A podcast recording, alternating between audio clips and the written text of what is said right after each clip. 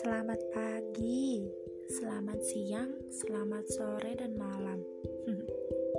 Buat semuanya yang mendengarkan podcast ini, selamat mendengarkan.